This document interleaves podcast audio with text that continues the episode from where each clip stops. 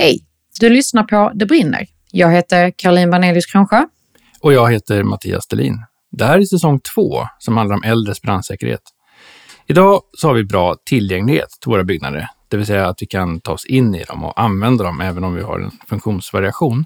Men inte lika god frångänglighet, det vill säga utrymning under samma förutsättningar.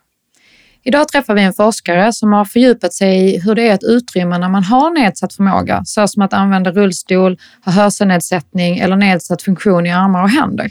Ja, och så försöker vi klargöra vad man kan göra för att hjälpa dem som har nedsatt förmåga att utrymma. Det vill säga, hur kan vi skapa en tillgänglig utrymmessituation?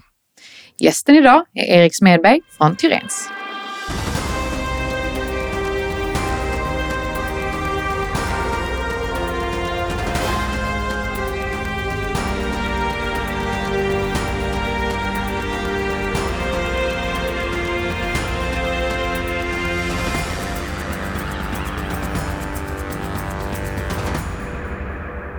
Hej Erik!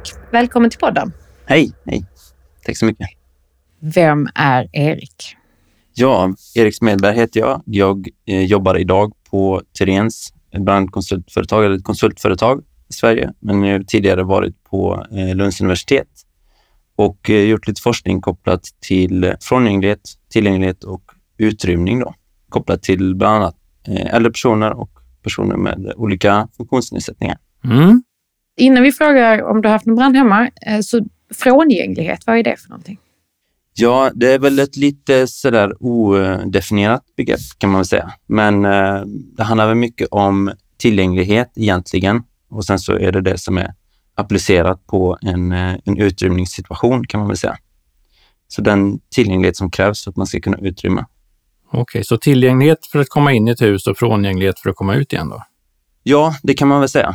Eh, Egentligen så är ju allting tillgänglighet, men frångänglighet är väl någonting som man använder ibland för att just liksom belysa på det, att det också krävs vid, vid utrymning. Men det handlar egentligen om tillgänglighet. Precis, så tillgänglighet i utrymningsfallet. Ja. Mm.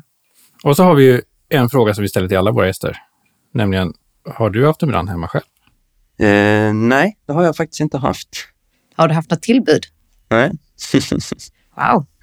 The lucky few. Precis. Ja, ja vi får hoppas att det fortsätter så då, men, men eh, du kan ju återkomma om olyckan skulle vara framme. Ja, men det är Ja. Till att börja med, vad, vad handlade själva forskningen om? Vad, var din, vad zoomade du in på? Ja, jag skulle väl snarare säga att vi eh, zoomade ut lite grann. Ja, Jag hade ju handledare då under forskningen, både från utrymningsområdet, från avdelningen på brandteknik då, på LTH, och även handledare ifrån eh, den medicinska fakulteten vid universitetet i Lund. Eh, så de, eh, många forskare där som, som eh, hade mycket fokus på tillgänglighet och, och åldrande. Så de hade ju väldigt mycket kunskap inom det området. Så det som jag fokuserade mycket på var väl liksom att lära mig lite grann om, om tillgänglighet, men grundläggande så, vad det handlar om. Eh, och sen så försöka applicera det till den utrymningsforskning som finns också och se liksom vart de här områdena berör varandra och hur man kan liksom, ja, men fokusera på båda samtidigt, om man säger så. Gäller det här då i alla typer av byggnader eller fokuserar du i, i någon verksamhet mer än annan? Mm, vi, I vårt eh, forskningsprojekt som vi hade och mycket av de andra delprojekten som vi gjorde runt om så fokuserade vi på eh, den publika miljön snarare än, än hemmiljön. Sen är det ju såklart det är mycket saker som eh, är tillämpbara oavsett miljö så att säga. Men eh, vi kollade mycket på den publika miljön och anledningen till det är väl också för att det är oftare där kanske som man har, vad ska man säga, det ställs betydligt mer krav på publik miljö jämfört med hemmiljö både med koppling till eh, tillgänglighet och, och även till viss del brandsäkerhet. Då. att man får en nedsatt förmåga av något slag, det kan ju vara av, av många olika förmågor som kan påverkas, men finns det särskilda förmågor som är extra viktiga vad det gäller utrymning och, och när de blir nedsatta, att det också får extra stora konsekvenser? Mm. Ehm, det var ju en eh, del av projektet också som de kollade på. Det var innan jag började där, men då, då kollade man lite grann på det här med eh, olika funktionssättningar som finns och så och hur det kan påverka utrymningsförloppet. Då. Men eh, traditionellt kan man säga, om man, om man pratar med folk om, eh, om frångänglighet och tillgänglig utrymning och så vidare, så är det ju mycket, väldigt mycket fokus på eh, rörelsehinder generellt. Och kanske framför allt personer som sitter eller som använder sig av rullstol då för att ta sig Eh, runt och så vidare. Men det finns ju många andra också, som till exempel eh, att höra i, i en miljö. Det är ju klart, det är viktigt för tillgänglighet också, men eh, för utrymning kan det ju vara väldigt avgörande. Och speciellt kanske i en hemmiljö där man inte har andra personer runt om som kan också hjälpa till med den detektionen om det skulle hända någonting. Så det kollade vi lite på, men vi kollade ganska mycket på olika typer av funktionsnedsättningar generellt. Ganska lite kan man väl säga på kognitiva funktionsnedsättningar. Det är väl också för att det är ett väldigt outforskat område om man jämför med många andra funktionsnedsättningar. Kopplat till de här då, funktionsnedsättningar, vilka är de tuffaste barriärerna för att kunna utrymma? Mm, de tuffaste barriärerna, det kan man väl säga. En, en stor grej är ju det här med eh, vertikal förflyttning, alltså med trappor och hissar och så vidare. Traditionellt så använder vi ju eh, vi använt trappor och sen så har vi använt hissar också mycket, men, eh, och även för tillgänglighet så är hissar en väldigt viktig grej. Men sen i många fall mm. så är det ju sånt som inte används vid, vid utrymning och då blir det såklart en väldigt stor eh, barriär för utrymningen. Då. Om man till exempel är beroende av en hiss för att ta sig in i en byggnad och sen så inte kan använda sig av den för att ta sig ut sen. Sen annars så har vi ju till exempel då, som vi pratar om med, med brandlarm, är ju också en jättestor barriär. Det är ju ganska ofta bara baserat på en, ett stimulus, att, säga, att, man, att man ska höra brandlarmet. Och har man en nedsatt mm. förmåga att höra då så är man ju väldigt, eh, påverkas man ju väldigt mycket av det. Att inte kunna höra det, den varningen som, eh, som brandlarmet ska utgöra. Då. Hur är det om man inte ser så bra eller kanske inte ser alls? Vad händer då? Mm, det är klart, det, det är en, också en, en väldigt eh, viktig grej. Sen där kan man väl tycka ibland att eh, om man inte ser eh, så mycket så, så har man också... Så där är, tillgänglighet är också ganska svårt för personer som inte ser. Så man hamnar kanske inte riktigt alltid i samma situation, att det är en väldigt stor skillnad på den tillgänglighetssidan och frångänglighetssidan där. Eh, så det kan ju vara att man har andra strategier eller att man till exempel har en ledsagare med sig eller sådär. Eh, det har man ju inte till exempel om man inte hör och så. Men där kan det då vara att, att oberoende om det är brand eller inte så är situationen sämre egentligen? Ja, jo precis. Lite grann så kan man väl säga eh, att det är.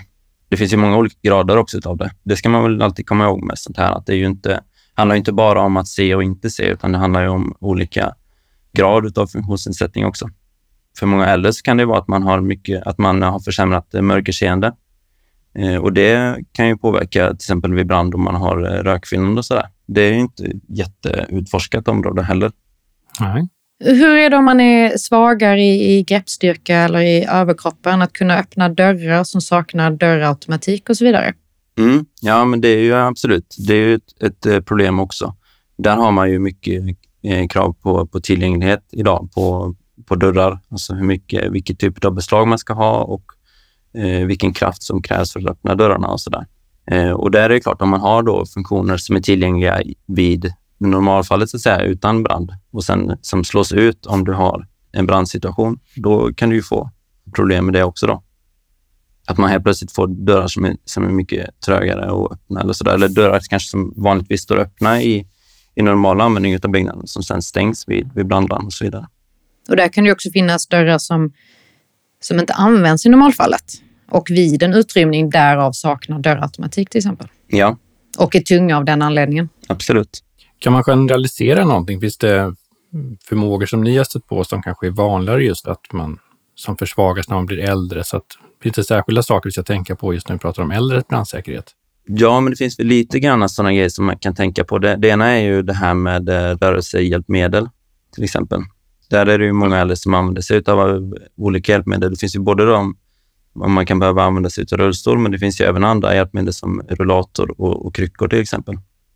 Och Det kan ju påverka på olika sätt. En rullator klart, det kan ju vara liksom skrymmande föremål, sådär, ta sig igenom dörrar och så vidare. Eh, och käppar också kan ju vara sånt som kan vara om man ska öppna dörrar som kräver, till exempel om man använder sig av båda händerna, kan det ju vara problematiskt att, att få med sig det och så vidare. Sen pratade vi lite grann om det här med mörkerseende. Det kan ju vara en grej. Vi kollade inte jätte, jättenoga på det, men det är ändå någonting som, som vi vet att så är det ju med, om man eh, blir äldre så kan man få lite förlorat mörkerseende. Eh, sen en annan grej som, som jag tyckte var väldigt intressant att lära mig om, som jag inte visste innan då vi började på det här forskningsprojektet.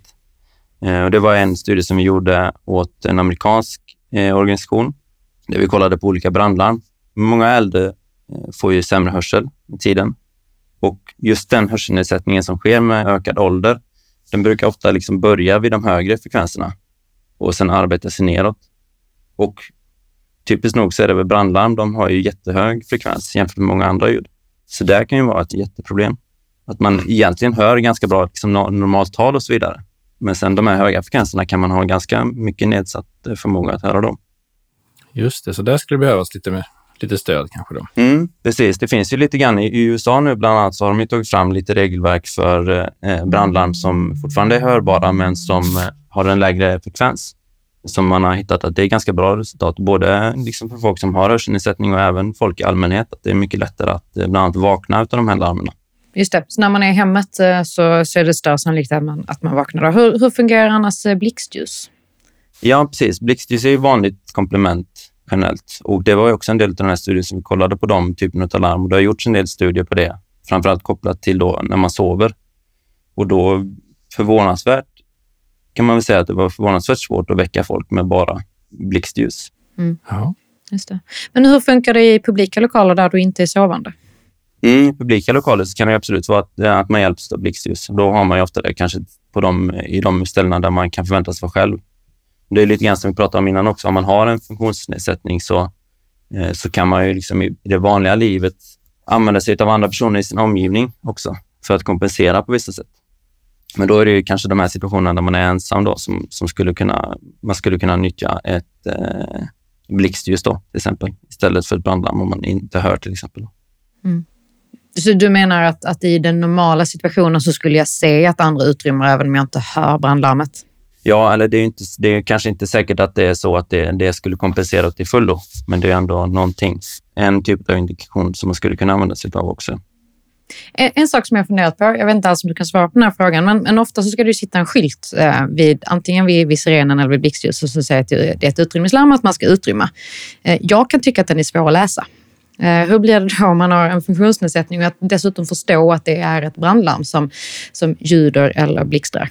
Mm, ja, precis. Alltså de, de skyltarna, jag vet inte riktigt om de, om de hjälper så mycket i en eh, riktig brandsituation sådär. Att man skulle gå fram till den där och läsa vad den betyder och så vidare. Då snar, handlar det väl snarare om att man är utbildad och, och har, man har gjort sig medveten om de systemen som finns i, i byggnaderna och liksom hur man ska tolka de signalerna och så vidare. Mm. Det är samma med, med brandlarm, tänker jag, att i, i vanliga byggnader, då, om, om det går ett larm som, som har den liksom signalen som vi är vana vid, så kanske de flesta tolkar det som ett brandlarm ändå. Det är inte så att alla går fram till och läser på skylten vad det är. Nej, verkligen inte. Jag tänker bara att ibland är de så små så att jag eh, ibland undrar jag om någon kan läsa dem på de avstånden som de sitter. Ja, jo, precis. Absolut. Men tänker om man nu har ett boende till exempel för äldre eller en, en äldre som bor ensam hemma eller en miljö där vi har mycket eller har äldrebesökare, det ska vi kunna ha i alla miljöer. Men vad är det du skulle vilja förmedla som tips? Vad är det vi kan göra och lägga till för att göra situationen bättre så att det blir lättare att utrymma? Nej, men jag skulle väl rekommendera att, att man tänker på det här med tillgänglighet. Det finns ju väldigt mycket forskning på tillgänglighet generellt och att man liksom tar hänsyn till det och även tar hänsyn till, kolla liksom på eh, tillgängligheten vid utrymningen också. Att man inte glömmer bort den aspekten av det. Att man till exempel tänker på de här utrymningsvägarna som inte används i vanliga fall, att de kanske också behöver vara tillgängliga eh, till viss mån. Liksom och tänker på saker som till exempel då brandlarm och så vidare. Det kan ju vara att man tänker på andra, andra ljudinstallationer i byggnaden, att de ska vara tillgängliga på något sätt, att man har rätt frekvenser och sådär. Och det borde också egentligen gälla för brandlarm då. Om man tänker hemma hos eh, sig själv då, om man är äldre och har nedsatta förmågor av olika slag, finns det saker man kan lägga till och göra? Mm, ja, men det finns ju bland annat det här med, med brandlarm som vi pratade om tidigare. Då. Eh, om man har lite sämre hörsel och sådär. Det finns ju olika typer av produkter som man kan ha hemma också. Så man kan, i vissa fall kan man få hjälp av eh, hörselcentralen av sin eh, vårdgivare. Då. då kan man få det tillskrivet till sig som man kan få, till exempel det finns eh, apparater som man har eh, under kudden till exempel som vibrerar. Om, om den, eh, en, eh, den hör ett brandlarm, då, ett vanligt brandlarm, så kan den aktivera och börja vibrera under kudden eller under madrassen. Och Det kan även vara att man då kan komplettera med ett sånt här lågfrekvent brandlarm också, till exempel. Och sen gäller det väl alltså som generellt att kolla liksom utrymningsvägar. I en bostad så är ju ofta liksom den, den vanliga vägen in i bostaden är också en utrymningsväg. eh, att den, den borde vara tillgänglig så att säga. Men det kan ju finnas andra, som till exempel att man ska, att i vissa bostäder så förväntas man eh, kunna utrymma via fönster och sådär och via balkong och så. Och då får man ju också ta, tänka på det och fundera på om man kommer ut via balkong och så vidare. Just det. Och om man har nedsatt syn eller nedsatt mörkerseende kanske man ska tänka extra på att hålla lite fritt så att man inte behöver snubbla över saker också. Så att det ställer undan lite saker. Hur är det då med beslagning på eh, lägenhetsdörren eller ytterdörren? Finns det något där som är bättre eller sämre om man har nedsatt förmåga? Ja, alltså de, eh, ska säga, det finns ju lite sådana regler för, för tillgänglighet, vad som ska vara. Då, då är det ju det här med öppningskraften är en viktig grej till exempel. Och även det här med om man har lås och bred och sådär. Det ju, kan ju också vara svårt om man, om man blir äldre, att man har svårt att liksom göra de här finmanövrarna för att låsa upp dörrar och så vidare. Då är det ju lättare om man har ett handtag som man kan antingen trycka med hela handen eller trycka med armbågen till och med om det skulle vara så och så vidare. Mm. Nyckel är någonting som också är, som man får lov att ha. Det är då ingenting som du rekommenderar? Jo, det, det, absolut. Det kan väl vara. Det får väl vara liksom... Eh, allting är ju att man får bedöma det på individnivå, skulle jag vilja säga. Det är svårt att göra någon liksom generell rekommendation. Men det är klart att ett trycka utan ett lås är, är ju lättare än om man ska ha ett lås med nyckel eller, eller med vred. Mm. Om du fick önska dig, du som har så att säga, studerat mycket av svårigheterna, så om du fick önska dig liksom att vi uppfann en ny lösning, en pryl eller en, eh, en digital koppling någonstans eller en organisatorisk åtgärd. Vad, vad, är det, vad är det vi skulle kunna önska oss att vi kunde få just till hjälp för äldre? Ja, nej, jag funderar lite grann på det. Jag vet inte om jag har något jättebra sån där grej som jag har tänkt på innan. Men om man tänker till exempel i publika lokaler så finns det ofta, de är ofta utrustade med såna här hörslinga till hörapparater till exempel. Och där skulle man också kunna till exempel koppla på brandlarm på samma slinga också, så att den skulle också kunna gå direkt till det. Och om det skulle kunna vara eventuellt till lite, lite till hjälp då. Ja, just det. Mm, det var bra. När, I den forskning som du har deltagit i, har ni tittat någonting på att använda handbrandsläckare? För det finns ju oftast i både publika lokaler och förhoppningsvis hemma hos de flesta. Mm. Är det någonting där som är extra svårt eller finns det några bra lösningar på hur, hur även en person med, med olika funktionsnedsättningar ska kunna använda handbrandsläckare? Det är ingenting som vi kollade på specifikt i, i vår forskning. Sådär. Sen så en del av eh, min forskning så gjorde jag en intervjustudie med, med äldre personer. Och då var det ofta, liksom, vi pratade ändå ofta mycket om hemmiljö också. Eh, och, så. och då var det ibland eh, pratade vi lite grann om sådana liksom, utrustning som man kan ha eh, för att släcka bränder. Och en sak där kan ju vara till exempel att om man har en handbrandsläckare hemma, att man, att man ser till liksom provar och känner hur det känns, att man kan använda den också. Det finns ju de, den vanliga liksom 6 kilo som man rekommenderar, men det finns ju även mindre. Det är bättre att man har en mindre om man kan använda den än att man har en stor som man inte kan använda. Så det var ju många som vi intervjuade som hade faktiskt eh, tänkt på det och, och ha liksom en mindre också som man skulle kunna använda. Kände de en oro eller kände de att de hade hittat en lösning som de trodde på? Ja, men inte oro skulle jag väl inte säga, men eh, däremot en medvetenhet kanske om att man är eh, äldre och att man är kanske mer riskutsatt. Men inte på något sätt sådär att, att det var mycket att man, att man kände sig orolig för det eller så. Ska inte säga. Däremot så var det när vi pratade med, när vi gjorde intervjustudien och frågade folk lite grann sådär om, om de skulle föreställa sig en utrymningssituation och sådär. Det som var då kanske var väl att man var kanske lite, lite orolig för hur andra personer skulle reagera runt om en, om man skulle få hjälp och sådär. Man, de, många berättade liksom att ja, man fick mycket hjälp av andra i vanliga situationer. Folk som håller upp dörrar och folk som hjälper till och liksom är sådär trevliga. Och sådär. Mm. Men det, det, var väldigt mycket som sagt, tveksamhet inför det, om, om det skulle vara samma i en utrymningssituation. Ja, ja. Då kan jag lägga till, vi hade ett samtal om det i ett webbinar i, i, häromdagen faktiskt. Och där vi pratade om just att i verkliga fall så ser man ofta att människor är väldigt hjälpsamma generellt. Så det är ju det är fint att veta. Ja, precis. Absolut. Så är det. Eh, men det är också, det är ju som sagt, det är väldigt svårt och de intervjuerna som vi gjorde med personer, det var inte många som hade upplevt en riktig utrymningssituation i en publikmiljö. Så där. Det är klart att om man inte upplevt det så är det, ju, det är väldigt svårt att föreställa sig hur det ska vara i verkligheten. Men ja, som du sa, mycket av forskningen har visat att det, folk är väldigt hjälpsamma och, och sådär, även i utrymningssituationer. Är det också en tillgänglighetsfråga att kunna till exempel byta sin egen brandvarnare? eller att kontrollera sin egen brandvarnare. Jag tänker det är oftast förknippat med, med fallolyckor och så vidare i hemmet. Framförallt om man börjar få nedsatt förmåga, att den risken ökar. Mm. Ja, precis. Jag vet inte om jag skulle... Det är klart, det är en tillgänglighetsfråga i den själva aktiviteten, så där, att kunna eh, byta brandvarnare och kolla batterier och så där på den. Men eh, det, var in, det är ingenting som vi har kollat så där specifikt på här i våra studier. Men ja, det är klart att det kan ju vara en krävande manöver att göra det om man har lite högre i tak till exempel eller så. Då är det bra med hjälpsamma grannar, vänner och familj. Mm, precis. Mm. Ja, överlag kan man säga att det är väl en otroligt bra säkerhetsåtgärd att ha en människa i närheten. Precis. Om, om, jag, om jag går in i en publiklokal. Det är ju tänkt att man inte ska ha lokalkännedom, men man hittar inte.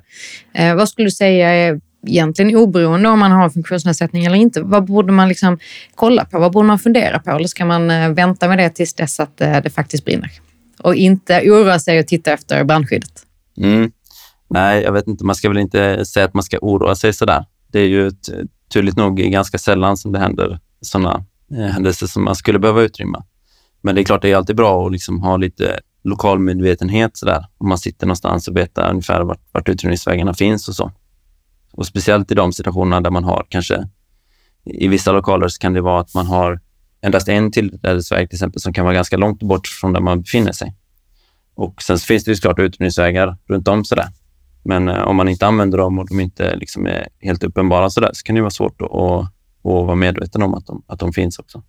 Och Det kan ju vara en grej som kan vara liksom en grund till oro också. Om man, man, har, man vet att man har vissa funktionssättningar som gör att man behöver kanske tillgänglighet på ett visst sätt.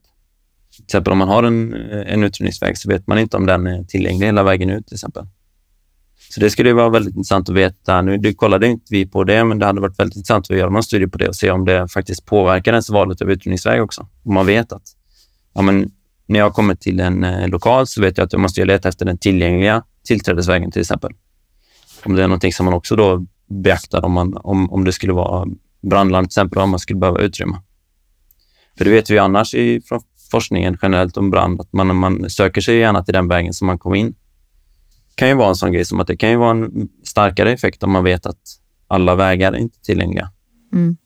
Och då finns det ju också, har man inte orienterat sig på det sättet så är det ju annars eh, de gröna skyltarna med rullstolssymbol som visar på vad det är tillgängligt. Mm, precis. De, de finns ju numera i alla fall i, i de flesta byggnader. Och där kan ju också finnas en hissymbol om man får lov att använda hissen. Ja, precis. Det man kan tänka på med de här symbolerna med, med rullstol också, det är väl att man kanske inte ska tolka den så, så bildligt som det, är, som det är eh, på bilden, så att säga. Utan det kan ju också vara andra saker som, som är tillgängliga med den utbildningsvägen. Med till exempel trösklar eller, eller eh, beslag och så vidare. I vissa fall. Ja, det ska väl egentligen fungera för alla, men man har valt den symbolen för att illustrera att det, att det är just frångängligt. Mm, precis, precis. Det är lite grann samma som eh, sådana eh, RVC-toaletter. Det finns ju ofta en symbol med rullstol på, men den är också anpassad för andra i vissa fall. Att den kan vara anpassad med eh, eh, larmknappar och så vidare. Mm. En sak vi inte pratar om här, det är ju det här med tillfälliga utrymningsplatser också som finns i vissa byggnader, där man ska kunna stanna och vänta på att få assistans ut och även kunna få kontakt med någon som kan veta att man finns där och så vidare. Har du jobbat med någonting med, med dem också? Um, ja, så det är klart vi stöter på dem och så där i vår forskning och, och, så vidare, men det är ingenting som vi kollade på i, i detalj, hur man ska utforma dem och så där. Där är ju Kristina André har gjort mycket forskning på det, till exempel. Um, men det är ju, det är ju en, liksom en lösning som man har valt för att just det här problemet med att det kan finnas tillgängliga tillträdesvägar via hiss till exempel och som sedan inte kan användas för brand. Just det. Ja, vad säger Karo? Har vi några mer frågetecken i våra små huvuden? Det har vi säkert, men vi kanske börjar närma oss slutet ändå. Något mer du vill lägga till, Erik? Ja, nej, men jag vet inte. Det är väl lite grann det här som vi pratade om lite tidigare, att det, det finns ju väldigt mycket, liksom både forskning och tillämpning på tillgänglighet. Och mycket av de tankarna är ju väldigt bra och mycket av de tankarna kan man också applicera på utrymningssituationer. Så vi har ju redan mycket där, egentligen kunskap som vi skulle kunna applicera. Sen gäller det väl att göra det också. Vad krävs för att vi ska göra det, tror du? Ja, det är klart, det krävs ju alltid lite sådär med regler och sådär, att man eh, ställer krav på att man ska tänka på det och sådär. Det krävs ju mycket samarbete också jag tycker ändå att de områdena är ganska närbesläktade, alltså tillgänglighet och utrymning. Men oftast ofta så besitter ju inte samma person kunskap inom båda områdena. Så mycket handlar ju om att man samarbetar också. Så som till exempel brandkonsulter samarbetar med arkitekter och, och tillgänglighetssakkunniga och sådär. Så det är väl en grej som man kan eh, ta med sig. Samarbeta mera. Mm. Mm. Och tillgängligt hela vägen ut. Yes, Precis, det vill säga frångängligt. det vill säga från hjälp. Mm. Jättetack Erik för att du var med oss här idag. Mm. Ja, men tack så jättemycket själva. Tack. Jag gillar när Erik sa att han zoomade ut snarare än att de zoomade in på en fråga. Att de arbetar med en helhetssyn och att man tog fasta på flera kunskapsområden samtidigt då, istället för att bara fokusera på ett. Mm. Det var bra att få en genomgång ur individens perspektiv och förutsättningar när det kommer till olika förmågenedsättningar och vad man kan göra för att underlätta frångängligheten för oss alla. Och idag har vi inte bara pratat om hur man har det hemma, utan även när man är ute i publika lokaler. Lokaler som allmänheten, det vill säga vi alla, har tillträde till. Vi har flera gånger i podden nämnt att om du som lyssnare eller någon närstående till dig har en nedsatt förmåga så finns det hjälp att få för att förbättra brandsäkerheten hemma. Mm. Prata med din biståndsanläggare om du redan har en, eller kontakta kommunen för att få en. Och du kan också vända dig till räddningstjänsten i din kommun för att få råd om din brandsäkerhet. Och till sist, om du är i en publik lokal och undrar över utrymningssäkerheten så fråga gärna personalen. Det här ska de ha koll på. Du har lyssnat på Det brinner, en podd som vill lära dig mer om brandsäkerhet. Podden produceras av Brandforsk som arbetar för ett brandsäkert och hållbart samhälle byggt på kunskap. Du kan nå oss på brandforsk.se. Där kan du ställa frågor till oss och komma med förslag på frågor för oss att ta upp här i podden. Och till nästa gång, kom ihåg att testa din och någon annans brandvarnare.